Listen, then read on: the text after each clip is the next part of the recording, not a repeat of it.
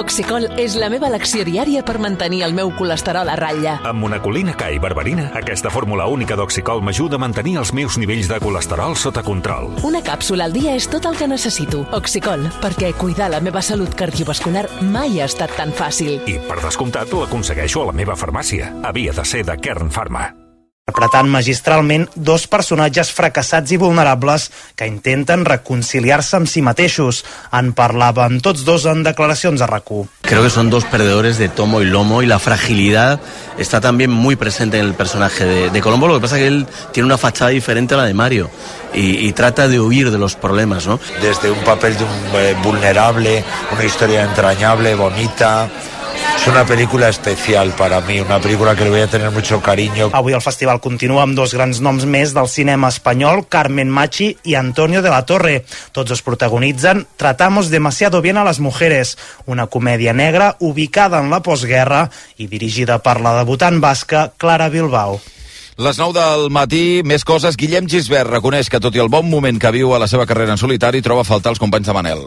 Benvolgut, permet-me suposar que malgrat no haguem gaudit... El qui és cantant de Manel, de la banda, acaba de llançar el primer disc eh, com a Guillem Gisbert, que es diu Balla a la Masurca, però ahir explicava en una entrevista aquí al programa que enyora la manera de treballar que tenia amb la resta del grup.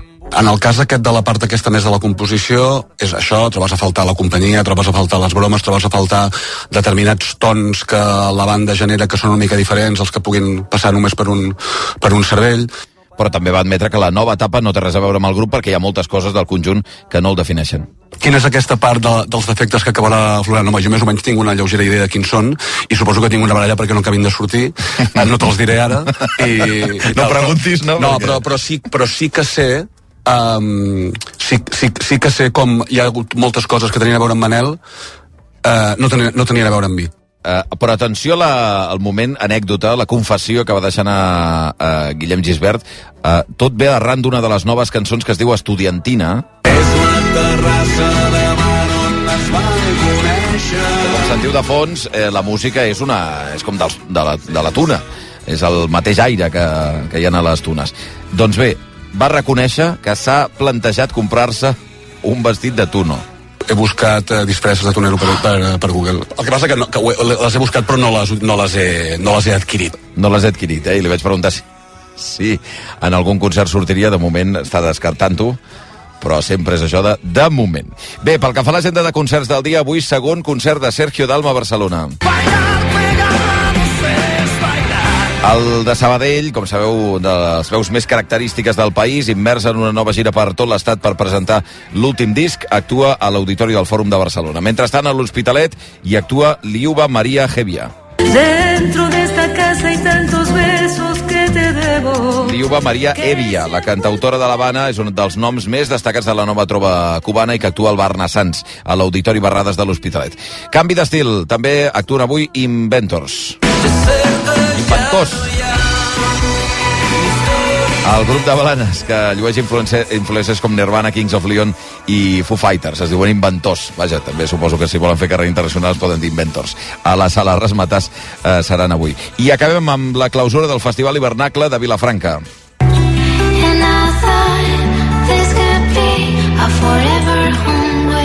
Concert que anirà a càrrec d'Erin Ibin, que hi posarà el seu toc d'indie pop suau, orgànic. El festival serà al claustre dels Trinitaris de Vilafranca.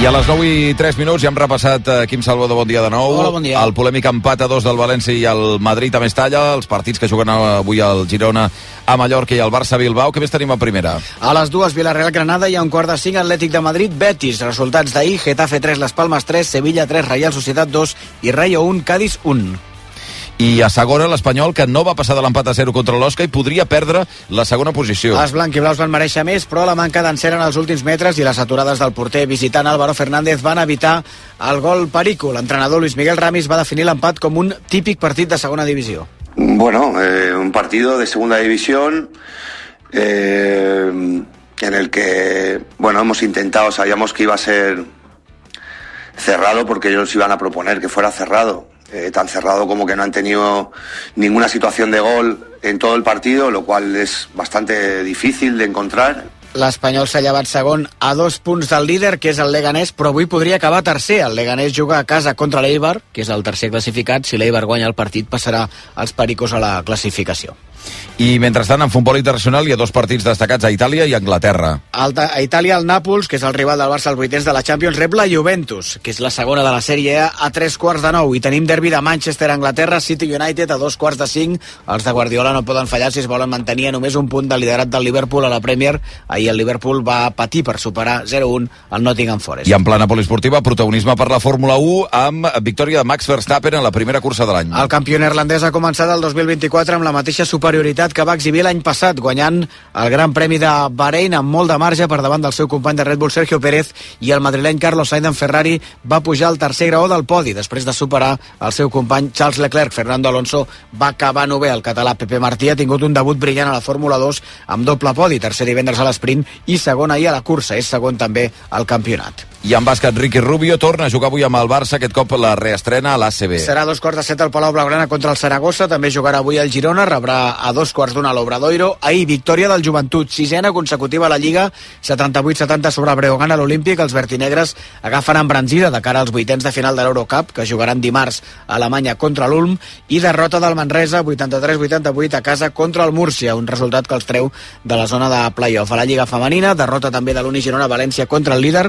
74-52 en protesta de l'equip gironí per haver hagut de jugar menys de 48 hores després de certificar a Istanbul la classificació per les semifinals de l'Eurocup. La jugadora Laura Penya es va negar a contestar l'habitual entrevista de Teledeporte quan televisa els partits en directe. També ahir a la Lliga Femenina, triomf de mèrit del Cadí la seu contra l'Araski, 89-83, i avui jugarà el Barça Sant Feliuenc, rep a dos quarts de set l'Espar Gran Canària. Notícia d'última hora a l'NBA, l'Ebron James s'ha convertit aquesta matinada en el primer jugador que supera els 40.000 punts a la Lliga regular, amb els 26 que ha notat a la derrota, això sí, dels Lakers contra els Nuggets per 124 a 114. I atenció a l'exhibició d'avui, perquè avui en tennis, Rafa Nadal i Carlos Alcaraz juguen un partit d'exhibició que es veurà en directe per Netflix. Sí, jugaran a Las Vegas a partir de dos quarts de deu de la nit hora d'aquí. Serà la primera vegada que Netflix emetrà tenis en directe, un esdeveniment en què no hi faltaran celebritats del món de l'esport, Andrea Gassi, Pau Gasol, Ona Carbonell, Colin Kaepernick i altres jugadors de futbol americà, ni de l'espectacle.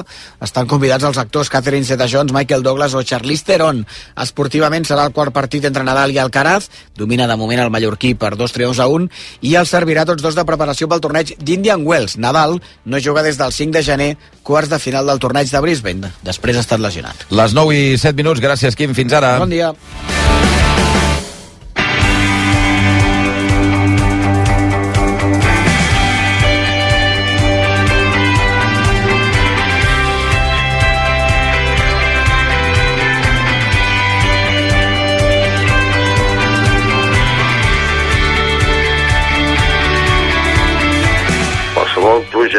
20 litres que caigui tranquil·lament a sobre el territori no genera ni un litre d'aigua en el riu actualment perquè tenim totes aquestes grans biomasses de boscos, no? Aquesta nova etapa és una etapa en què haurem d'aprendre a no posar la lluita antirepressiva com a la prioritat. Mireu què us dic.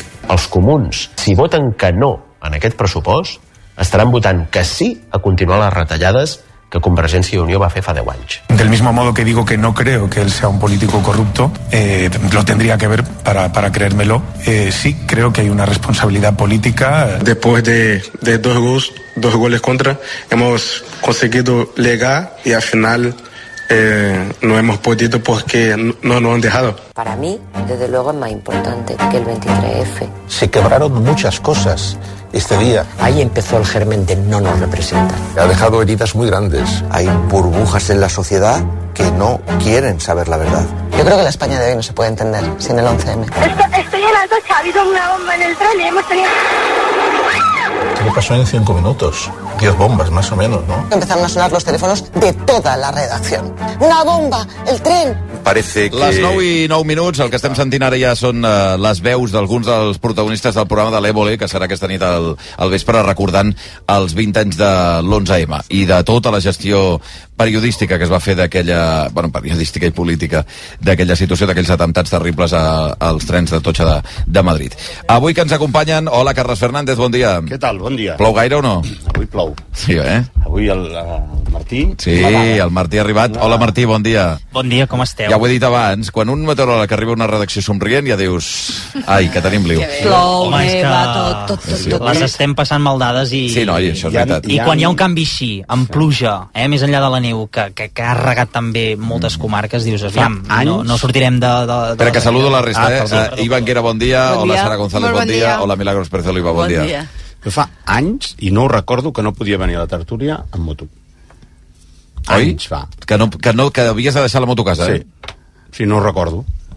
Ja està. No, no, no, és Però veritat. avui aquí a Barcelona almenys plou ara generosament, Sí, sí, eh? durant la nit, és fantàstic. Bé, el més significatiu és que, eh, Martí, més enllà de les pluges que han anat regant el país i que continuen fent-ho, com es demostra ara a la ciutat de Barcelona, que no deu ser l'únic lloc on plou eh, intensament, eh, són les nevades a cotes baixes, no sé si fins a cert punt inesperades, no?, que fos d'aquesta manera, eh, i que continuessin encara ben bé una horeta més, pot ser que encara eh, continuïn fent-ho. Ho estan fent encara en aquelles zones que ens deies, a Vic, a Osona, o no? No, ja es va aturant, ja es Val. va aturant, de moment això- puntualitat, sí, cap a un quart de deu ja va parant de nevar en aquestes comarques eh, interiors, a partir dels 500-600 metres ha nevat, sobretot Lluçanès, Moianès, Osona, interior de la selva. Aquesta seria la zona més afectada per aquesta nevada, que ha deixat doncs, fins a 5-6 centímetres de neu, per exemple, a Taradell, però també un gruix considerable a Viladrau, a Ceba, eh, fins i tot a Moià, la mateixa capital del Moianès, també ha agafat una mica, a Collsospina una mica més amunt també, um, a la mateixa ciutat de Vic s'ha vist nevar, no ens consta que hagi acabat agafant allò pròpiament dit, Però però bé, havia fet temps que no, ara, que no nevava a sí, Vic. Sí. Sí, sí, una bona, una bona enfarinada a punts alts d'Osona, sobretot en muntanyes doncs, Bellmunt, Cabrera, Puigcalm, el gruix més considerable, el Montseny. Eh, S'hi pot haver acumulat molta neu al cim del Montseny, tant al Turó de l'Home com les Agudes Matagalls, una bona nevada, molt bona pluja, perquè han caigut més de 40 litres en alguns punts de l'Empordà. Recordem que ja fa uns dies va ploure molt bé en aquesta zona del nord-est de Catalunya, avui ha tornat a ploure, capçalera de la Muga, una zona molt castigada per la sequera, Pantada d'Arnius, Boadella, per tant, molt bones notícies però insistim, és una nevada que ja està marxant. De fet, ara plou amb ganes a Barcelona. Al voltant de la ciutat de Barcelona estan marxant ja aquests ruixats mar endins, Maresme, Baix Llobregat. Ens deien que ha nevat una mica a Vegas, a les cotes de 550-600 aproximadament a Vegas, al Baix Llobregat. També al monestir de Montserrat, un despertar de diumenge molt dolç. Ens enviaven una imatge molt bonica Sí, senyor. del monestir, de la plaça, amb aquesta nevada. Um, però vaja, la nevada considerable al Prepirineu, a estacions d'esquí com Masella, la Molina, el Port del Comte, Tuixent l'Avança, doncs han rebut una bona nevada per poder treballar, per poder gaudir d'aquesta recta final de la temporada. I ara ja tot plegat acaba, queda una hora de pluja com a molt, marxen aquests ruixats i de cop com un mitjó canviarà el temps, començarà a entrar molt fort el vent de mestral a les comarques del sud, Ebre, Camp de Tarragona, també al sud de Lleida, la tramuntana ja molt fort a l'Empordà, ha superat els 120 km per hora a Portbou, és un dia molt delicat per fer alta muntanya al Pirineu, perquè està a vent i torb, combinat amb aquesta neu caiguda i amb temperatures que ara mateix marquen 12 sota 0 a la Tosa dalt, pràcticament, 12 sota 0 al capdamunt de la- de l'estació de Masella i la Molina, per tant, eh, no és un dia allò per sortir fora pista si no, no dominem moltíssim o aventurar-nos a fer excursions. I pendents sobretot de les ventades que s'han de mantenir a les comarques del sud, al Pirineu, Prepirineu, per tot plegat hi ha avisos del, del Servei Meteorològic de Catalunya, també a l'estat de la mar, si ens acostem a espigons, compte a les platges perquè trenquen bé les onades. Dèiem a primera hora que totes aquestes nevades mm, en circumstàncies i en posicions que no són habituals podien complicar el trànsit i que podien complicar les, eh, en fi, les, eh, la, la mobilitat. Eh, és cert que hi ha circulació intensa a la 2, però té a veure amb els talls a Tàrrega eh, de, dels últims dies dels pagesos, però hi ha moltes mm, zones del país on les cadenes ja són obligatòries, sobretot estem parlant de, del, del Pirineu, de l'Àneu, a la Vall d'Obuí, a Bussost, etc etc. però també hi ha altres carreteres on eh, hi ha advertències de neu. Ho dèiem a Mata de Pere, la BB baixa 1221, eh, s'advertia que durant un quilòmetre hi havia neu o gel a la carretera, per tant, compte la de circular-hi allà. A, a la C25, a Sant, Julià, a Sant Julià de Vilatorta i Arbúcies hi ha un carril tallat, precisament per la neu i pel gel.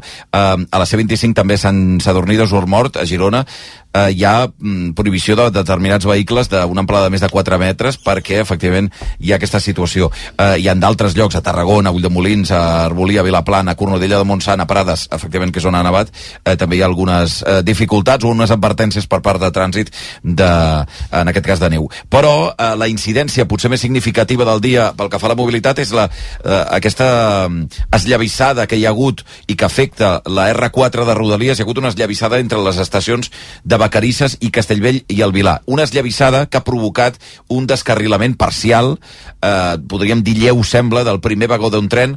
És cert que és diumenge i era molt d'hora al matí, per tant hi havia pocs passatgers, 37 que eren al tren, eh, però sembla que no n'hi ha cap de ferit. A hores d'ara han de veure si els traslladen d'aquest tren.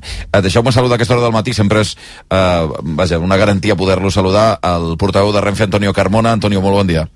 Hola, bon dia. Què ha passat? Tu deies, cap a les 7.45, una gelissada de pedres ha provocat la sortida del primer eix, del primer cotxe d'un tren de rodalia de la línia R4 entre Castell i el, i el Vilar i Vacarisses. Anaven 37 viatgers, eh, no s'han registrat els ferits. Aquests viatgers el que han fet és enviar un tren per posar-lo en paral·lel i ara fa 5 minuts s'acaben de transbordar i d'aquesta manera podran, continuar el seu, el seu desplaçament fins a, fins a destinació. O sigui, han sortit del tren ja, eh, els passatgers, Antonio? S'han s'han transbordat, es posen passarel·les d'intercomunicació i ja surten d'allà. Pues, un cop ja han sortit ja poden continuar amb l'altre tren fins a destinació. O sigui, calculem que si la, la situació, aquesta esllavissada, s'ha produït cap a tres quarts de vuit del matí, deuen haver estat una hora i mitja aproximadament eh, dins del tren, aquests 37 passatgers, una, no? una hora i escaig, en tot moment informats per part del nostre, del nostre personal que s'ha preocupat de la situació de tots els viatgers que anaven en aquest tren i paral·lelament estaven treballant nosaltres per enviar un tren en paral·lel per poder eh, transbordar-los i que poguessin continuar el seu desplaçament. Mm. Eh, confirmes que no hi ha ferits, que sapiguem a aquesta hora? En principi, la, la interventora que anava, que anava al tren ens ha comentat, ens ha comunicat això, que entre els viatgers no hi ha ferits, tenint en compte, tenint en compte que ha estat la sortida del primer, del primer, del primer vagó, Uh -huh. i, i ara, és, en quant a la circulació, circularà per, per via única, en aquest tram afectarà sobretot els trens en origen o destinació a Manresa, entre Terrassa i, i Barcelona, i Barcelona cap a, cap a Martorell, el que fem és reprogramar el servei, d'aquesta manera limitem la- l'afectació i eh, perjudiquem o provoquem les més molèsties possibles als viatgers. Uh, ho, dic, ho dic perquè a vegades quan parlem desllavissades i descarrilaments en trens po ens pot venir al cap altres accidents que a més van, van acabar amb víctimes mortals. En aquell cas va ser la R4 crec que va ser el 2018 uh, uh, uh, en aquest cas uh, on va ser? espera't que ara no recordo.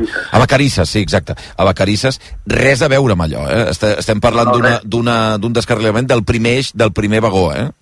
Exacte, un, una, una incidència tot i que no ens agradaria que no ens agrada que passi, una incidència lleu que cap viatger ha, ha patit de ferides i ja els viatgers estan, estan camí de la seva destinació un altre tren. entenem que té a veure amb les pluges uh, aquest, aquestes llavissades, o és d'hora per saber-ho això?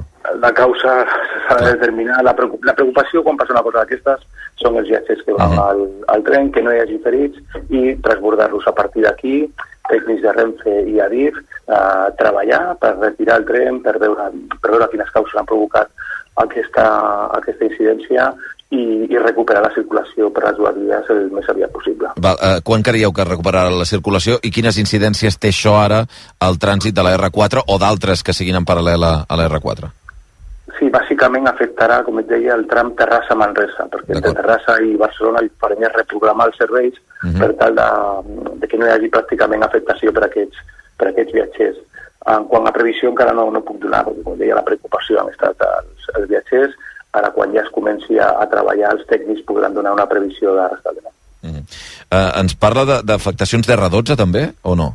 Sí, la, la R12 també és una línia amb menys freqüència, que també passa per, a, per aquest tram i es pot veure afectada, però al, al poder passar en via única, l'afectació serà, serà menor. Com sempre, un plaer. Gràcies, Antonio Carmona. Fins ara. A vosaltres. 9 i 18 minuts, doncs bé, aquesta, aquesta incidència a Rodalies mm, òbviament no podem treure en conclusions, eh, però vaja, coincidint amb una, amb una pluja en un tram on precisament eh, vaja, hi ha tots aquests talusos i en zones eh, de moviment de terres i que es produeixen esllavissades a vegades, tot i que s'ha fet feina, eh, es podria segurament concloure que les pluges hi han tingut alguna cosa a veure en les últimes hores.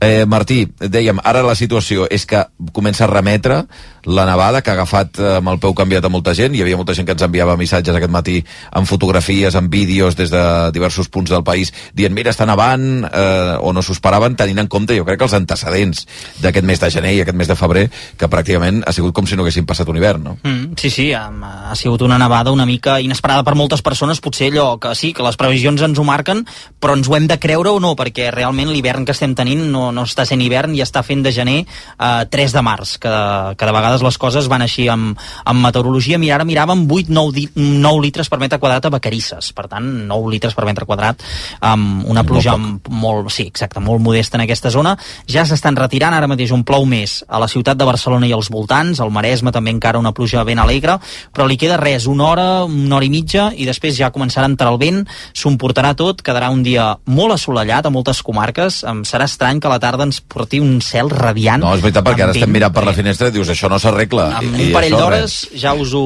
Sí, sí, ja us ho podem Ja assegurar. us ho arreglo. És així, el Martí. Sí, no, però...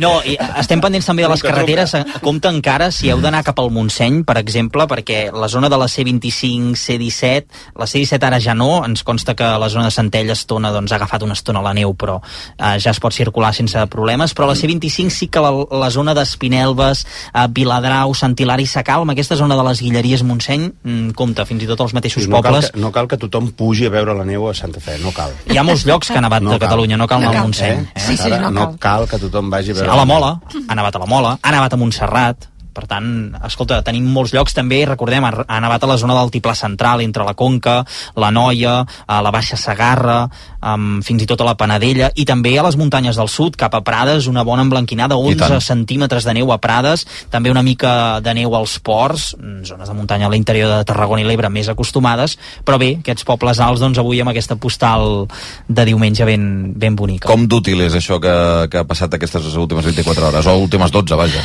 A veure, mm, evidentment millor això que res, Mhm. però clar, ara ho, ho, ho, ho parlàvem amb alguns companys a la redacció. Aquesta aigua, mm, clar, al final se la queda tot al bosc, perquè el bosc necessita tota aquesta, tota aquesta aigua, mm, viu d'això perquè està tan assegadat, hi ha una escassetat hídrica tan, tan marcada que necessitaríem 60, 80, 100 litres per metre quadrat perquè després un cop el bosc ja en tingui prou, Sí, diem, sí, ja hagi begut, s'inundés, diguem-ne, sí, i- ja hagi begut, diu, escolta, ja veureu els de més, i després sí que ja fluiria cap als rius i els embassaments. Per tant, si ha plogut, una regada que això, 20-40 cent- mm, litres per metre quadrat, a l'Empordà mm, ja va ploure l'altre dia, per tant, al cap de pocs dies ha tornat a ploure, allà sí que doncs, alguns torrents, alguns rierols, algunes fonts, potser van reviscolant. Però la resta del país aquests 10, 20, 25 litres per metre quadrat s'aixugaran molt ràpid també tenint en compte el vent que farà. Per tant, millor això que res, però esperem que, que el març ens porti més pluja. A veure aquest canvi de temps que ahir comentàvem de Sí. cara a divendres i dissabte. Sí, perquè ara això s'acaba avui, sí. tot i que hem d'estar pendents del vent, eh, i torno a dir,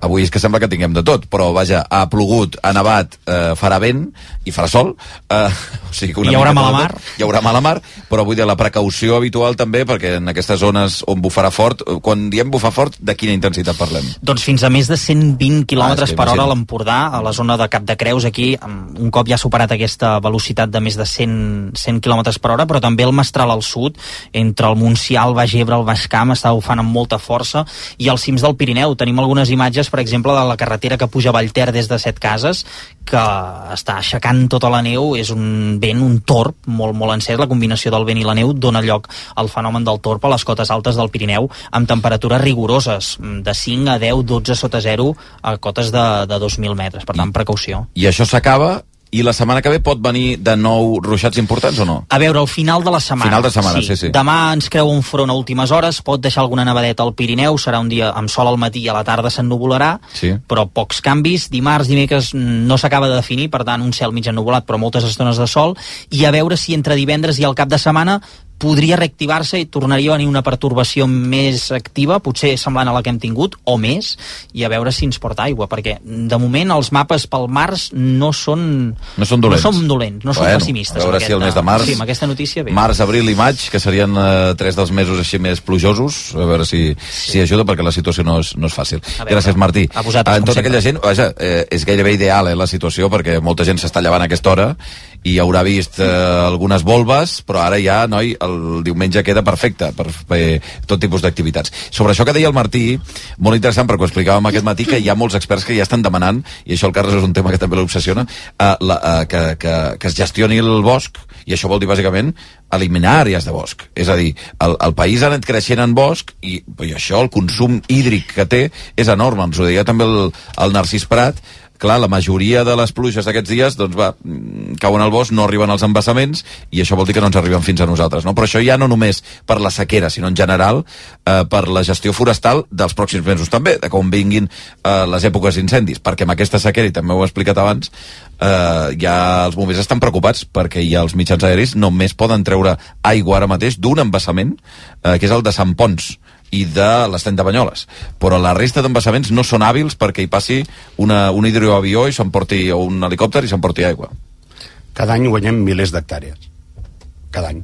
I llavors aquests milers d'hectàrees no es gestionen, però gestionant, gestionar vol dir que algú s'ha de guanyar la vida allà, eh? No, no, està Clar, clar, És perquè així. ara el que no es És pot així. pensar és que ara ens posarem Amb la motosserra a ens arrasar haurem de res. posar a netejar boscos indiscriminadament i en general qui es neteja com, quin costa això, etc.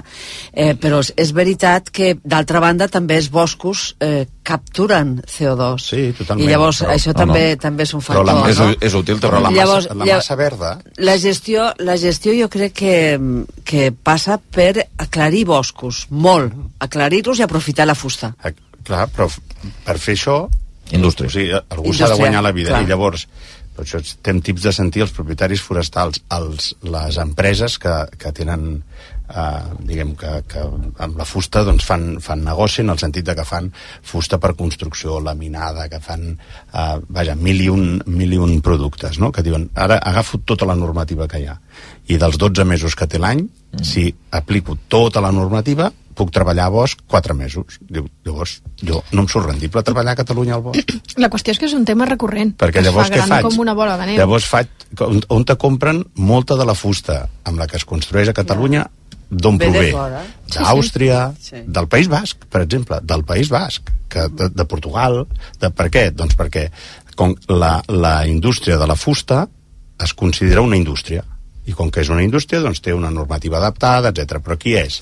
Um, diguem, poses la normativa mm, diguem, de protecció dels animals, la normativa dels incendis, més la normativa de no, una altra... Pa, pa, vas posant normatives una al damunt de l'altra i al final, i això es pot comentar amb qualsevol de les persones no? de, que, que, que es volen dedicar a això, i no, no, com que són tan pocs dies al cap de l'any els que puc dedicar-me al bosc, no em surt a compte, llavors la compro fora. Um, entrar a bosc s'ha de poder entrar amb una pista forestal adequada, estan amb una maquinària adequada, amb una maquinària que sigui gran, els mateixos bombers estan tips de dir-ho, no, necessiten una pista forestal on es pugui entrar amb els camions i els camions puguin fer la volta. El que no pot ser és una pista forestal. Llavors què fan? No entren. I clar, doncs, i, però com que la imatge de una, una màquina, eh, diguem, això s'ha d'automatitzar. O sigui, suposo que ningú té al cap que eh, gestionar el bosc és entrar unes persones amb una destral i tallar-ho i mica en mica. Això s'ha d'automatitzar. S'entra- És una màquina que és de grans dimensions, que, uns, uns que, camions, que, eh, que unes- és automatitzada, que agafa eh, i, que, i, que, i que gestiona, diguem, i que fa la cosa industrial.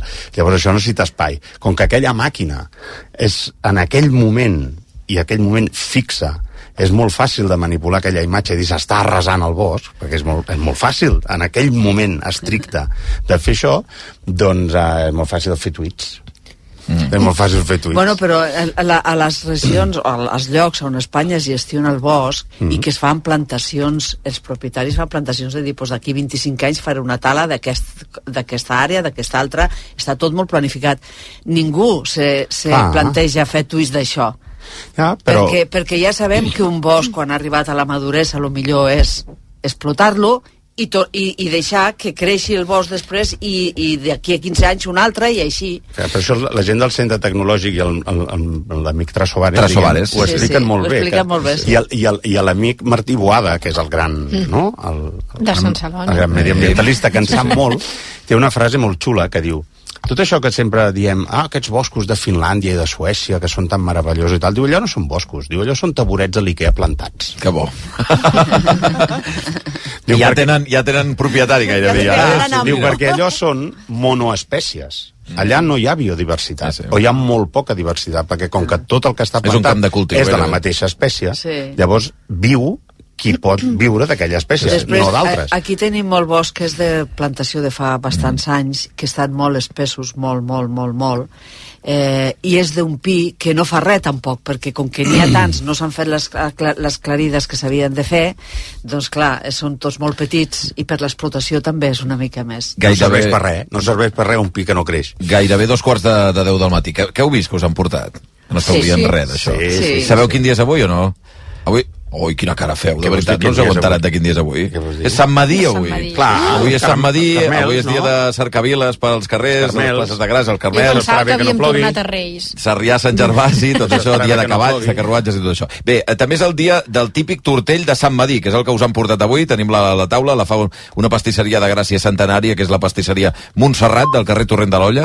Tortell de- s'han portat de brioix farcit amb massapà i que porta fava Ah, veus? Però llavors, Sí. Els jo t'anava a Reis. preguntar quina diferència hi ha amb el de Reis, perquè Bueno, sembla molt... s'assembla no hi ha corona. Sí. No hi ha corona, efectivament. Exacte. Hi ha fava i sorpresa. O sigui, Pues que pot ser que us toqui alguna cosa. No sé si un animal, un, un, Eh, és, algun És ruc, com el de... alguna cosa. Hauríem de veure la, Dos- la tradició d'on ve de la fava, no? Eh, és compartida bueno, amb això hauríem de no? mirar-ho, això, sí. Eh, dos quarts de deu del matí, doncs bé, mentre us deixo, re, un minutet i mig perquè tasteu una mica, de seguida parlarem d'aquesta llei d'amnistia, abans de que vingui l'Evole d'aquí a mitja horeta, d'aquesta llei d'amnistia que sembla que està a punt de caure, A veure, sembla. a veure Al Però- forn- al forn però veurem, fins que no estigui signat, em sembla que això no es pot cantar victòria a ningú. Eh, dos quarts de deu, ara de seguida en parlem. RAC 1 RAC 1 Cada matí el món et desperta. Són les 6 del matí. Bon dia, Catalunya. Cada matí el món t'informa. Abans els apunts imprescindibles per anar pel món. I avui canvia el temps, baixen les temperatures i. Pel que fa al trànsit, més enllà de les retencions habituals... Cada matí el món és allà on passen les coses. Perdó, tenim la sentència d'Alves. Marc Poyato. Sí, ja ho tenim. L'Audiència de Barcelona condemna a Dani Alves. Cada matí el món t'acompanya. Ole, Cristina Puig. Puig. Ui, Puig. El diàleg bas. El diàleg bas. El món a RAC1. El programa de ràdio més escoltat de Catalunya. Cada matí, de 6 a 12, amb Jordi Basté. RAC1. Tots som 1. RAC més 1, podcast. A RAC més 1, tranquil·lament. El teu podcast de psicologia amb Marc Serra i Xavier Guix. Escolteu-lo els dimecres cada 15 dies a la app de rac i a rac En col·laboració amb el Col·legi Oficial de Psicologia de Catalunya. RAC més 1. Tots som Més 1. Descobriu i endinseu-vos a l'univers RAC1 via rac1.cat. El portal de notícies de RAC1. Registreu-vos. RAC1.cat. És fàcil. És el moment de fer la preinscripció escolar per al curs 2024-2025. A Catalunya construïm el futur dels nostres infants en una escola inclusiva, de qualitat i amb igualtat d'oportunitats per a tothom. Podeu presentar la vostra sol·licitud del 6 al 20 de març per al segon cicle d'educació infantil i educació primària i del 8 al 20 de març per a l'educació secundària obligatòria. Fem l'escola que volem. Trobareu tota la informació a preinscripció.gencat.cat. Generalitat de Catalunya. Sempre endavant. Com va dir Lavoisier, l'energia no es crea ni es destrueix, es transforma. I de la mateixa manera, ara, Solideo passa a ser Acciona Energia, l'empresa que, des dels inicis, va apostar per l'energia 100% renovable, una transformació que ens permetrà arribar més lluny sense canviar la nostra manera de fer. Entra a Hogares Acciona Energia i fes-te autoconsumidor. Si estàs pensant en vendre el teu cotxe, no li donis més voltes. Vender mi cotxe. Fàcil i molt de pressa. No cal ni demanar cita. T'oferim a l'acte la millor valoració pel teu cotxe de forma gratuïta i sense compromís. I als 30 minuts ja tens els teus diners. Vender mi cotxe. Som a Barcelona, al carrer Rocafort 78, Cornellà de Llobregat i Sabadell. Tinc un pressentiment. Compra't el Ford Kuga. És alguna cosa que em crida. Compra't el Ford Kuga. Una veu dins meu que em diu... Que compris el Ford Kuga. Fes cas del teu instint i aconsegueix el Ford Kuga. L'híbrid endollable més venut a Espanya i Europa, ara per temps limitat a un preu mai vist. També disponible el Kuga híbrid. El que digui el teu instint. Xarxa Ford de Catalunya.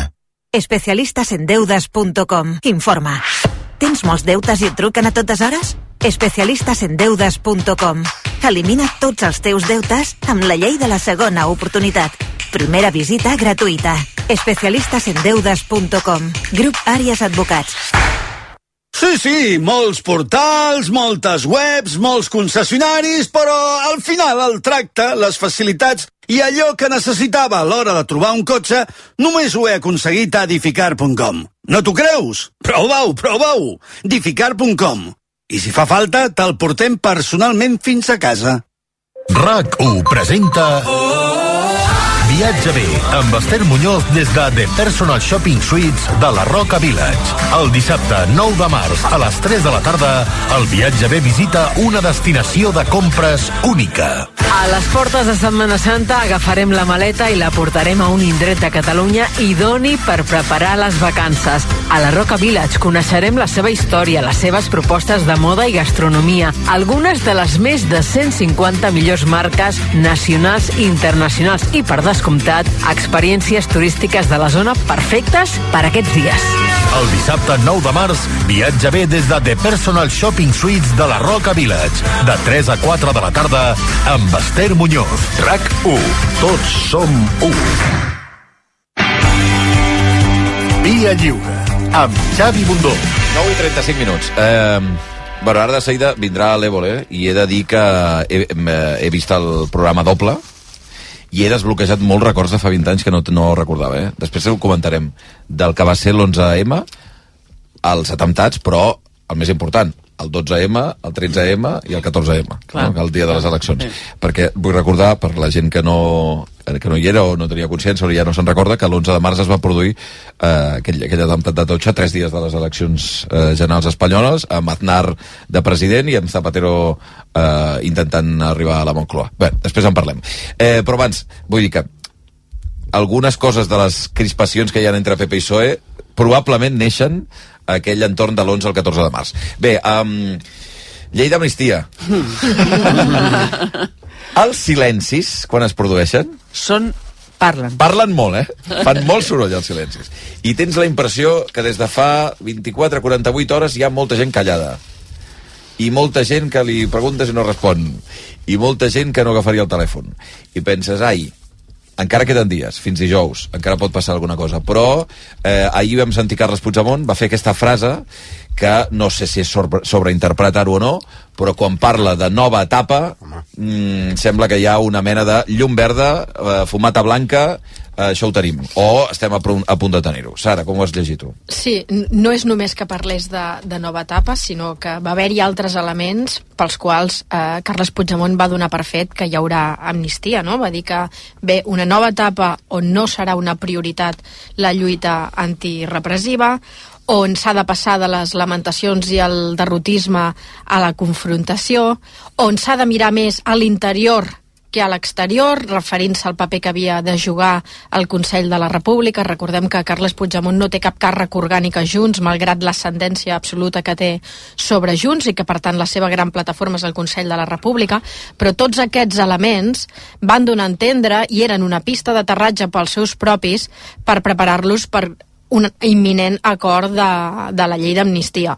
Que, evidentment, no es pot donar, no es pot donar res per, per tancat i per fet, però sí encarrilat per les pròpies paraules de Carles Puigdemont, que és una persona que la posada en escena sempre la mesura molt i mesura molt què diu i sobretot no, també què no diu, perquè malgrat donar a entendre que hi haurà amnistia, és veritat que la paraula amnistia no la va pronunciar explícitament. Raó de més, eh? Sí. Segons sí, sí. com? Ah, sí, sí, no, totalment. Perquè el que dèiem, eh, Ell- els ell- silencis. Clar, ell és prou conscient de dues coses. Té dues urgències. Per una banda, l'acusació de terrorisme per part de, del Suprem, no? i és una, una acusació que no cessa ni a l'Audiència Nacional ni, ni als alts tribunals, i per altra banda, també li urgeix el calendari electoral. Si ell planteja un retorn, i d'alguna manera ell va dir, va cridar la unitat abans de l'estiu, perquè hi havien de passar moltes coses i s'havia de mirar més de portes endins que no pas de portes en fora, o sigui que d'alguna manera mm, deixava entreveure, és possible que jo pugui tornar abans de, de les eleccions eh,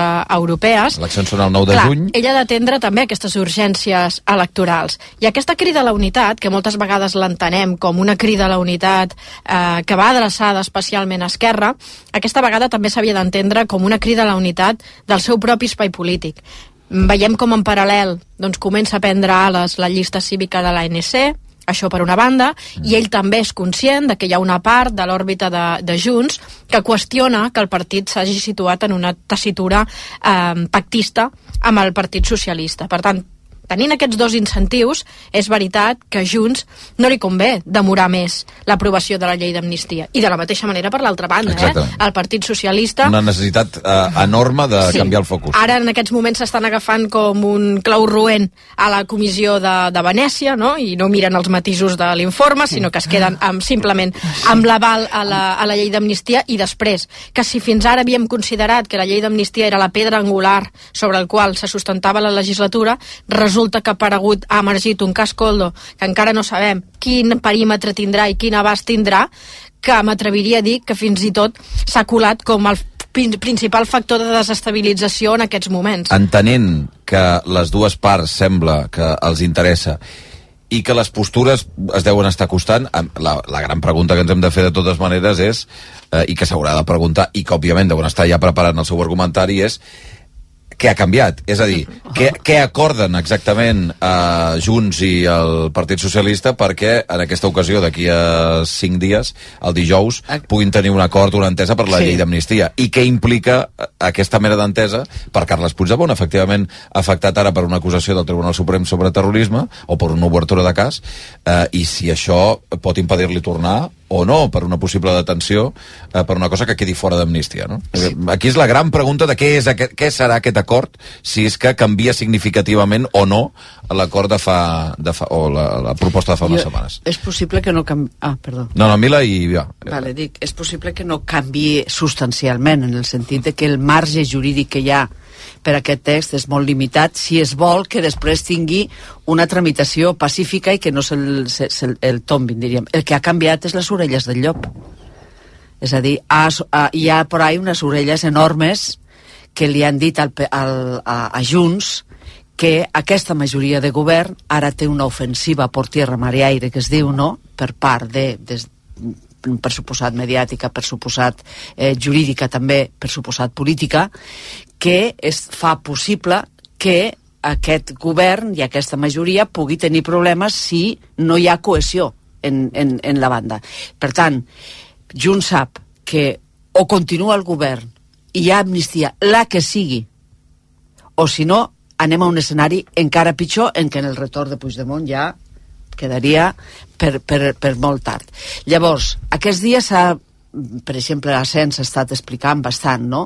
En realitat, la llei de l'amnistia és una eina, però hi ha altres possibles eines. Si, com tot sembla, la contraofensiva judicial contra la llei d'amnistia es produeix i es produirà, hi ha la possibilitat d'indult, però clar, això tindria una sèrie de problemes, la possibilitat de reformar el, el, el tipus de delicte de terrorisme, que recordareu que el 2015 vam tenir ja Clar. una discussió molt important, eh? perquè allò que es va fer per la Cale Borroca i pels jihadistes, eh, mireu com s'està utilitzant ara... De los polvos, los lodos. Que aquí està, no?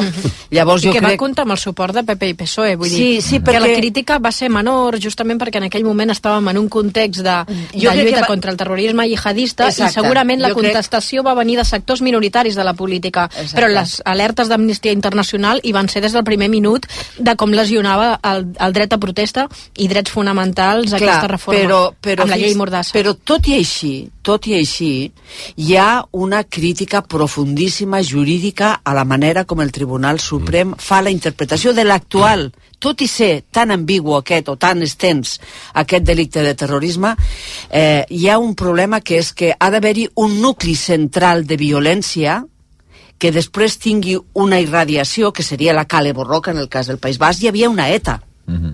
i hi havia morts hi havia violència, hi havia segrestaments, hi havia tot aquest tipus de coses. Sobretot, perdona, Mila, perquè eh, aquesta mateixa plantilla la podries aplicar a les, A- als pagesos. A les, les protestes pageses de fa uns dies que van acabar amb algunes ferides en, Clar, en policies. i- I, en aquell cas eh, no s'ha aplicat aquesta plantilla la- perquè sembla com a... l'altre dia ha vam una publicar- Ha dit, eh? Hi ha una diferència Sí, substancial. però perdona que acabi el- l'argument. No, no, és l'argument perquè estic reproduint un article que vam publicar en el diari eh, d'un d'un jurista basc que explicava si no hi ha aquest nucli central, per molt que tu aprecis que hi ha aquesta irradiació que hi ha al Darulls, voluntat d'alterar el, el sistema constitucional, tot el que vulguis, però si no tens el nucli central de violència d'una organització terrorista que faci violència, no pots acusar a, a altra gent de dir que estan col·laborant amb, aquesta, amb aquest això. Llavors li has de donar el caràcter d'organització terrorista tsunami. I, va. I llavors Sí. això és més difícil. el, el, el, jo crec que la, la diferència amb les protestes mm, sindicals eh, dels pagesos d'aquests dies que estem veient és precisament això, que hi ha un objectiu declarat de eh, canviar l'estat de dret, de subvertir l'ordre constitucional. Que això sigui suficient per, per acusar de terrorisme és el que discuteixen molts, eh, molts juristes, però, hi ha una, però aquesta diferència és substancial respecte a altre tipus de protestes, l'objectiu. I respecte a la llei d'amnistia, jo crec que hi ha, dos, hi ha un factor que és molt important, que és eh, tenir l'acord d'Esquerra, perquè Esquerra no comparteix el perímetre de terrorisme que vol aconseguir Carles Puigdemont. Jo no, no, no conec les converses, les converses fins al, a aquest detall, però és possible que Esquerra estigui, eh, ara mateix sigui un fre inclús més fort que, que el PSOE per arribar a segons quins punts que puguin posar en, en, en, perill la constitucionalitat de la llei. Per què? Quins punts, diries? O sigui, El, és- el, és la el que- inclusió, fins a quin punt s'inclou la- el terrorisme. És a dir, que, hi ha, que, que el, el, la divisió de tarees que hem viscut durant tots aquests anys d'independentistes per una banda, socialistes per una altra, ha d'alguna manera... Durant tot aquest procés ha canviat. Jo, havent, havent estat ahir al, al Consell Nacional d'Esquerra, la- l'actitud la, d'Esquerra Republicana és no ser un inconvenient per l'aprovació No. de l'amnistia. Al contrari, el, que fan és El que- el que recriminar volen- Junts no, que que l'estiguin volen és que- allargant. és que tiri I- endavant. I, I el que vol l'Esquerra és tenir els seus pressupostos eh, aprovats aquí a Catalunya. És veritat que garantiran eh, l'acord de pressupostos a nivell de l'Estat i el que vol Esquerra Republicana especialment és, És- que, és totes, que, estabilitat. tots, que tots els acords i tots els traspassos Que- de que rodalies i el model de finançament, i que- doncs que això tiri i que, endavant. I que, la, I que la roda comenci a girar. Absolutament Mm. d'acord. Però Esquerra està menys disposada a, sacri a sacrificar la llei d'amnistia Ah, per, per, per eh, qüestions personals que poden ser en el seu cas Rubén Wagensberg o Marta Rovira del que ho està Junts. O Vendrell. O Vendrell. Que és el Perquè cas més- Esque- en, més difícil. En Esquerra sí que veig una, una, un objectiu més col·lectiu de la negociació. Però jo crec que hi ha una altra cosa que és molt important del que va dir ahir Carles Puigdemont, o m'ho sembla a mi, que és que d'alguna manera ja es començava a defensar de la lectura que l'independentisme Mhm. més ortodox. Farà de l'amnistia, perquè ja començava a parlar de que no patiu, que nosaltres continuarem amb la confrontació... que Posar a la pràctica la unilateralitat això i no només declarativa. Mm, tornar a començar el que va passar el 17. Això és una manera de començar a defensar-se dels efectes de l'amnistia en el seu propi electorat. I per la banda de, dels Sí, socialistes... perquè l'aplicació pràctica... L'aplicació pràctica, ja- en un, en un ja ho govern trobarem. que no, que, bueno, un govern que no controla perquè ell no hi forma part i amb unes expectatives electorals que apunten més a un canvi de govern eh, amb, amb un partit que no té cap tipus d'interès en aquestes dimensions com és el PSC no, no, no es veu gaire Per una això- capacitat Clar, d'aplicació per això deia abans que havia d'atendre les urgències electorals Sí. pròpies Ah, clar, i, i. I- i, les socialistes- properes eleccions catalanes la, la irrupció de noves candidatures sí, que sí. poden suposar una queixarada electoral per Junts. el, el, jo crec que el cas Coldo ara mateix és un incentiu espectacular perquè el PSOE ja ha demostrat que sap gestionar i pot gestionar el debat en contra de l'amnistia però el debat en contra del cas Coldo no, el- no el gestiona en absolut i se l'està menjant. Mm. Per tant, li interessa molt més que l'opinió pública estigui parlant d'amnistia. Carles. Sí, jo diria, més enllà del, del tema jurídic, que ja, que s'han comentat moltes coses, jo diria que des de la darrera vegada en què no es va votar a favor de la llei d'amnistia, ara han passat tantes coses, que mm, el Partit Socialista i Pedro Sánchez eh, jo crec que ha traslladat a Junts i a la resta dels actors que la cosa està en risc i que pot estar en risc i que el govern pot estar en risc i que per tant a prou de posar mm, pedres al camí prou de posar noses diguem, no? perquè han passat moltes coses. I de la banda independentista eh, jo crec que hi ha la defensa del relat. Eh, Esquerra Republicana després de, de la nit electoral eh, crec que lluita i encara està lluitant per fer-se un racó en el relat de que les coses que passen a Madrid també ell hi posa un granet de sorra perquè encara seguim amb que Pedro Sánchez és president gràcies a Puigdemont com si no hi hagués ningú altre que la llei d'amnistia és gràcies a Puigdemont i que tot és gràcies a Puigdemont. I ahir doncs eh, no de veiem a Junqueras aixecar la veu i, eh, No, i fins i tot avui, no? mira, eh, és Junqueras. Avui veus entrevista a Pere Aragonès Que sí, que al sí. periòdico, i el que- centre de la, diguem-ne, del que diu Aragonès no és l'amnistia, tot i Eh. que parla de l'amnistia, és els pressupostos, no? Però que- però que Perquè hi ha- hi ha un la, la percepció, com, com deia també la Sara, és bé, o sigui, està amortitzada la posició d'Esquerra Republicana en aquesta circumstància, per tant, l'interès és en però en, en, el, o sigui, en el relat Sí, sí. diguem, espanyol de la llei d'amnistia només hi ha dos actors Mhm, que és. Pedro Sánchez i, i, i, i Carles Puigdemont. Com si només allà hi votessin Pedro Sánchez i Carles Puigdemont. I n'hi ha tota una pila, tot un carro darrere que també Sí, sí. hi tenen molt a dir, que si diguessin el contrari la llei d'amnistia no surt, Tampoc surt, però, però que no, però que no, no. Llavors aquí jo diria que des de la mateixa nit electoral hi ha una lluita pel relat de que Pedro Sánchez, o sigui, que la dreta no governa Espanya gràcies a i de moment el relat és el que és i les portades han sigut les que Sí, són. És que l'eix al I Parlament... després, Ah, no- només, només una, Sí, sí. una última cosa. Jo crec que això, això que deia al principi eh, que Pedro Sánchez ha aixecat el dit i els ha dit a veure, prou, hem de posar ordre. Tenim temes interessants eh, sobre de la taula, que, interessants diguem de, a la, per la dreta, que poden fer que això tremoli de veritat. Per tant comencem a tancar carpetes i ara la dificultat principal que jo crec que tindrà eh, Junts en aquest cas és explicar per què no va votar. a l'anterior i sí aquesta, perquè com deia tant la Mila com la, com la Sara, com la, com la IVA, les diferències les haurem de buscar en la coma i el puricoma, perquè jo crec que no hi haurà res que sigui espectacular. Llavors, de fa... i aquest, aquest interval no hagués estat igual no hagués estat igual la successió dels fets ni la gestió dels fets amb la llei d'amnistia aprovada que com l'hem tingut ara, eh? No hagués, hagués, hagués estat un escenari molt diferent. Dos apunts eh, ràpids que us volia fer i que em semblen molt interessants avui.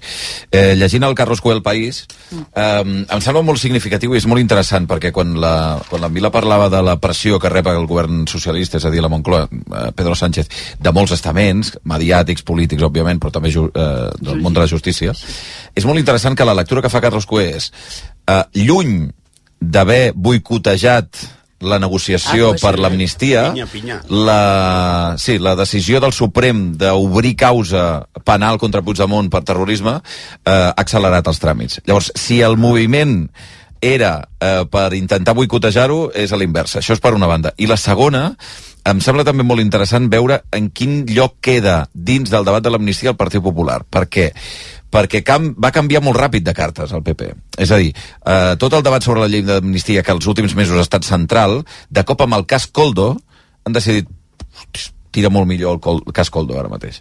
Llavors, si torna a canviar el focus i torna a caure en amnistia i s'oblida el cas Coldo, la percepció és que tot el que pugui dir el PP sobre l'amnistia està més que amortitzat a l'electorat, en capacitat, diguem-ne, d'aconseguir vots, la percepció. Després és una altra cosa. amb Eh? una, amb una novetat que és que després dels darrers dies de la campanya gallega i les manifestacions d'aquella alta veu suposadament anònima Mhm. de, del PP que va canviar el discurs completament és a dir, tu no pots dir ara que l'amnistia és això quan has estat dient que estàs considerant un, Un indult. un, un indult Sí, o, sí. que, o quan has dit que tens, és molt difícil provar que hi hagi terrorisme Sí, però ja ara hi ha un clic. Eh, és que si acusen Puigdemont de terrorisme tornen a tenir artilleria aquí. Uf, Sí, però perquè- és una artilleria ja, és una artilleria defectuosa. Cuidado, Sí, cuidado amb això. I després hi ha una altra cosa. Jo crec que s'ha descarat molt en les darrers, en les darreres quatre setmanes, s'ha descarat molt eh, la l'acció concertada amb finalitat política de les decisions judicials. Perquè ara ja ningú pot dir que això és casualitat. A tanta persistència. Feia temps, eh, que no, que no semblava que es Bueno, ens semblava, però no podies sí, sí. dir-ho. No, no. Eh, M'entens? És a dir, ara hi ha una successió de, de, de, de decisions, la mateixa divisió de la Fiscalia, és a dir, una, una altra cosa que s'ha dit aquests dies, lo normal és que hi hagi un fiscal que acusi i que digui terrorisme, terrorisme, terrorisme, que hi hagi un jutge que digui cuidado, cuidado, cuidado, a veure què passa aquí, no? És el món al Mirem-ho. revés. I és el món al revés. Mm. Llavors, cuidado amb això. Jo crec que a, a hores d'ara mm, el, el que està cada vegada més en qüestió és el sistema judicial. I aquí haure- haurem de parlar, perquè després parlarem de l'11M, però eh, la reforma que es va fer després de la transició del, de, la, de la defensa era perquè hi havia problemes de que hi hagués involució del sistema constitucional per, per, per, per la preeminència del, de l'estament militar. Però no vam sospitar que en un moment determinat podria actuar la justícia com a braç eh, jurídic d'un intent polític d'involució de la Constitució. Per això vam parlar també, i va haver-hi advertències, per això deia que fa temps que hi han coses que es veuen, no? Eh, eh, es va advertir el 2017, amb- entre moltes altres coses també que estaven succeint i que eren excessos, òbviament, que eh, la, la, el, el sector judicial, eh, l'actor judicial, com a estament, com a institució espanyola, no podia permetre's determinades coses encara que pensés que per la unitat d'Espanya era útil. No s'ho podia permetre perquè llavors eh, això ja no pot fer-te enrere. Clar. I si entres en una dinàmica en què un jutge o un grup de jutges o un grup de fiscals o un grup de X s'accedeixen de la seva capacitat senzillament per motius ideològics, eh, tornar enrere és impossible. Clar. O sigui, pagar les conseqüències, la fractura del que això implica de, davant de la, de, de la ciutadania és, és enorme. Clar. Perquè, sobretot, el sistema judicial se suporta en la fe Però fixa't, en la creença per part dels ciutadans Fixa't. que eh, allò és just, que allò té sentit. Clar, el dia que deixa de ser així, l'estament pot seguir mm, tenint tot el poder del món, eh? Exacte. però perd una capacitat enorme d'incidència Però a la població. fixa't que ha canviat. Per exemple, quan vam tenir el debat de si hi havia o no delicte de rebel·lió, que estàvem en, una, en, un Mm. cas igual, Sí, sí. idèntic, de, de, eh, eh, qualificar els fets com delicte de rebel·lió tenia unes implicacions polítiques perquè uns candidats no es podien presentar a les eleccions, perquè alterava els resultats de les eleccions, perquè eh, tenia moltes conseqüències. Després va quedar en sedició. Per tant, d'alguna manera, aquells que criticaven el, el delicte de rebel·lió tenien raó. Però què va passar? Que des de fora de la justícia és molt difícil criticar una resolució judicial, perquè eh, es, es considerava que eren intocables. És les intocable, resolucions. És sí, sí. intocable. Doncs això és el que ha canviat. Per això t'he dit que les quatre últimes setmanes això sí que ha canviat, perquè ara la crítica a les decisions judicials és generalitzada. Sí, I no només des de Catalunya, que era abans, quan el delicte de rebel·lió sobretot era des de Catalunya. Ara no, però el que vull és dir, Mila, arreu. és que això... Inclús d'Europa, perquè lo de Venècia Mm. és un de, una demostració també de que quan el PP ha volgut internacionalitzar Home. el tema de l'amnistia, li ha sortit malament. Però vull dir que, que això és un... Perdó, eh, un segon, eh, Iva, però eh, això és un procés en què si la crítica generalitzada per part d'una eh, una part política molt gran, i això vol dir una part ciutadana molt gran, no té camí enrere perquè els mateixos, els mateixos arguments que pot utilitzar el PSOE per dir que la justícia és injusta respecte a, Sí, als seus interessos, justa- el PP podria fer-ho d'aquí a dos dies dient fixeu-vos, perquè com que ells ja van dir que la justícia no era justa, jo també puc dir que la justícia és injusta en aquest cas. I entres en una dinàmica en què ja, ja està. Estàs destrossant la justícia. Eh, eh, està, està enfonsat que- eh, el, el la- sistema. I va, eh, va, que volia Sí, rebatre alguna cosa. sobre sí. Sí. Sí, no, a veure, um, sobre l'evolució de la justícia i sobretot sobre el dictamen de la, de la Comissió de Venècia. Jo crec que el, el dictamen de la Comissió de Venècia el que ha fet magistralment el PSOE és donar el primer cop i provar de marcar un, un criteri sobre el que estava dient la Comissió de Venècia, perquè hi ha molts peros, eh? Sí que n'hi ha, aquest sí. Però el nucli, però el nucli central, que és el que buscava el PP, li ha sortit al revés. El nucli central és la llei d'amnistia. Una amnistia no és il·legal. Pues ja està, perquè el PP diu que sí, que és el seu argument però central. després eh? hi diu, ara bé, Hi ha aquesta, coses, sí. aquesta amnistia La que manera- estàs preparant... I la manera de tramitar-la i Déu-n'hi-do tot, com sí. l'estàs preparant, Xavi. La via d'urgència La via no té d'urgència, sentit. el Però jo el que distingiria- tingui noms i cognoms... Seria el- millor una reforma constitucional, sí, sí. No, no, però, però aquí hi ha, una, hi ha dos coses, eh? Però per això, perdona, Iva, i aquí és el que jo deia, intentava dir ahir, quan, quan em lleves, et lleves al matí, i, i això, i ara és una bona connexió, ara en parlarem amb l'Evole, perquè això és 11M. És a dir, eh, llevar-te al matí, obrir diaris sobre una decisió d'una- d'un òrgan que és internacional, que eh, depèn de la... Eh, ai, no em sortirà, Del Consell d'Europa. Del Consell d'Europa, gràcies. I que ningú llegeix igual, que ningú sigui capaç de dir és una, un aval però amb matisos perquè és un aval perquè hi han coses que diu sobre la manera en què es gestionarà que no està ben fet. Perquè hi ha el relat. perquè, perquè ningú és capaç de dir el dibuix sencer de dir eh, s'està avalant eh, la, la possibilitat de fer una amnistia però compte perquè està dient que algunes de les coses que s'estan fent no estan del tot ben fetes. Eh, mm, sembla que sigui una, una ara mateix un entelec és, és, és impossible que això es produeixi. Sí, però fixa't una cosa. la gent només, el debat o en les trinxeres només Sí. es fixen cadascú en el que li interessa El, el, de, el debat sempre està viciat, però en un debat sempre hi ha quina és la principal impugnació. I la principal impugnació, i per això es fa bé, vaig fa bé venir aquest, a la Comissió de Venècia a analitzar el tema... No es pot era- fer una amnistia. No es pot fer una Sí, és amnistia. És, inconstitucional i no es pot fer una amnistia. En el nucli central la Comissió de Venècia li ha donat una bofetada al PP que va fer la, que ha estat fent l'estratègia de la internacionalització Cert. del tema de l'amnistia i l'ha portat al Parlament Europeu, ho ha Cert. fet per tot arreu. Sí, sí. Després, hi ha alguns aspectes que són contraris a com s'està fent i aquesta crítica també s'ha fet des del país. També hi ha juristes que han dit no el procediment d'urgència, el legislador, totes aquestes coses, d'acord. Però són coses formals, Mm. és a dir, són qüestions que, que són importants. No dic que no, eh, Iva? O sigui, són importants. Però el nucli central, el, el PP avui no pot, com volia, sortir dient, la Comissió de Venècia diu que la- que l'amnistia a No Espanya es pot és inconstitucional i no es pot fer. A veure, la, la maquinària estratègica dels partits no és nou, sempre I fa perdona, això, no? i perdona Sara, i, però no- dels, Sí, dels sí. partits pot anar a mitjans i dels mitjans va a la ciutadania. Llavors, Sí. ningú es creu res. És a dir, jo estic Clar. en una trinxera eh, ideològica, una etc que m'és i- m'és igual el que diguis tu. El- el eh, sí. M'és igual el que diu aquest diari, m'és igual el que diu aquest polític, m'és igual el que diu el meu veí. Jo ja sé què és això.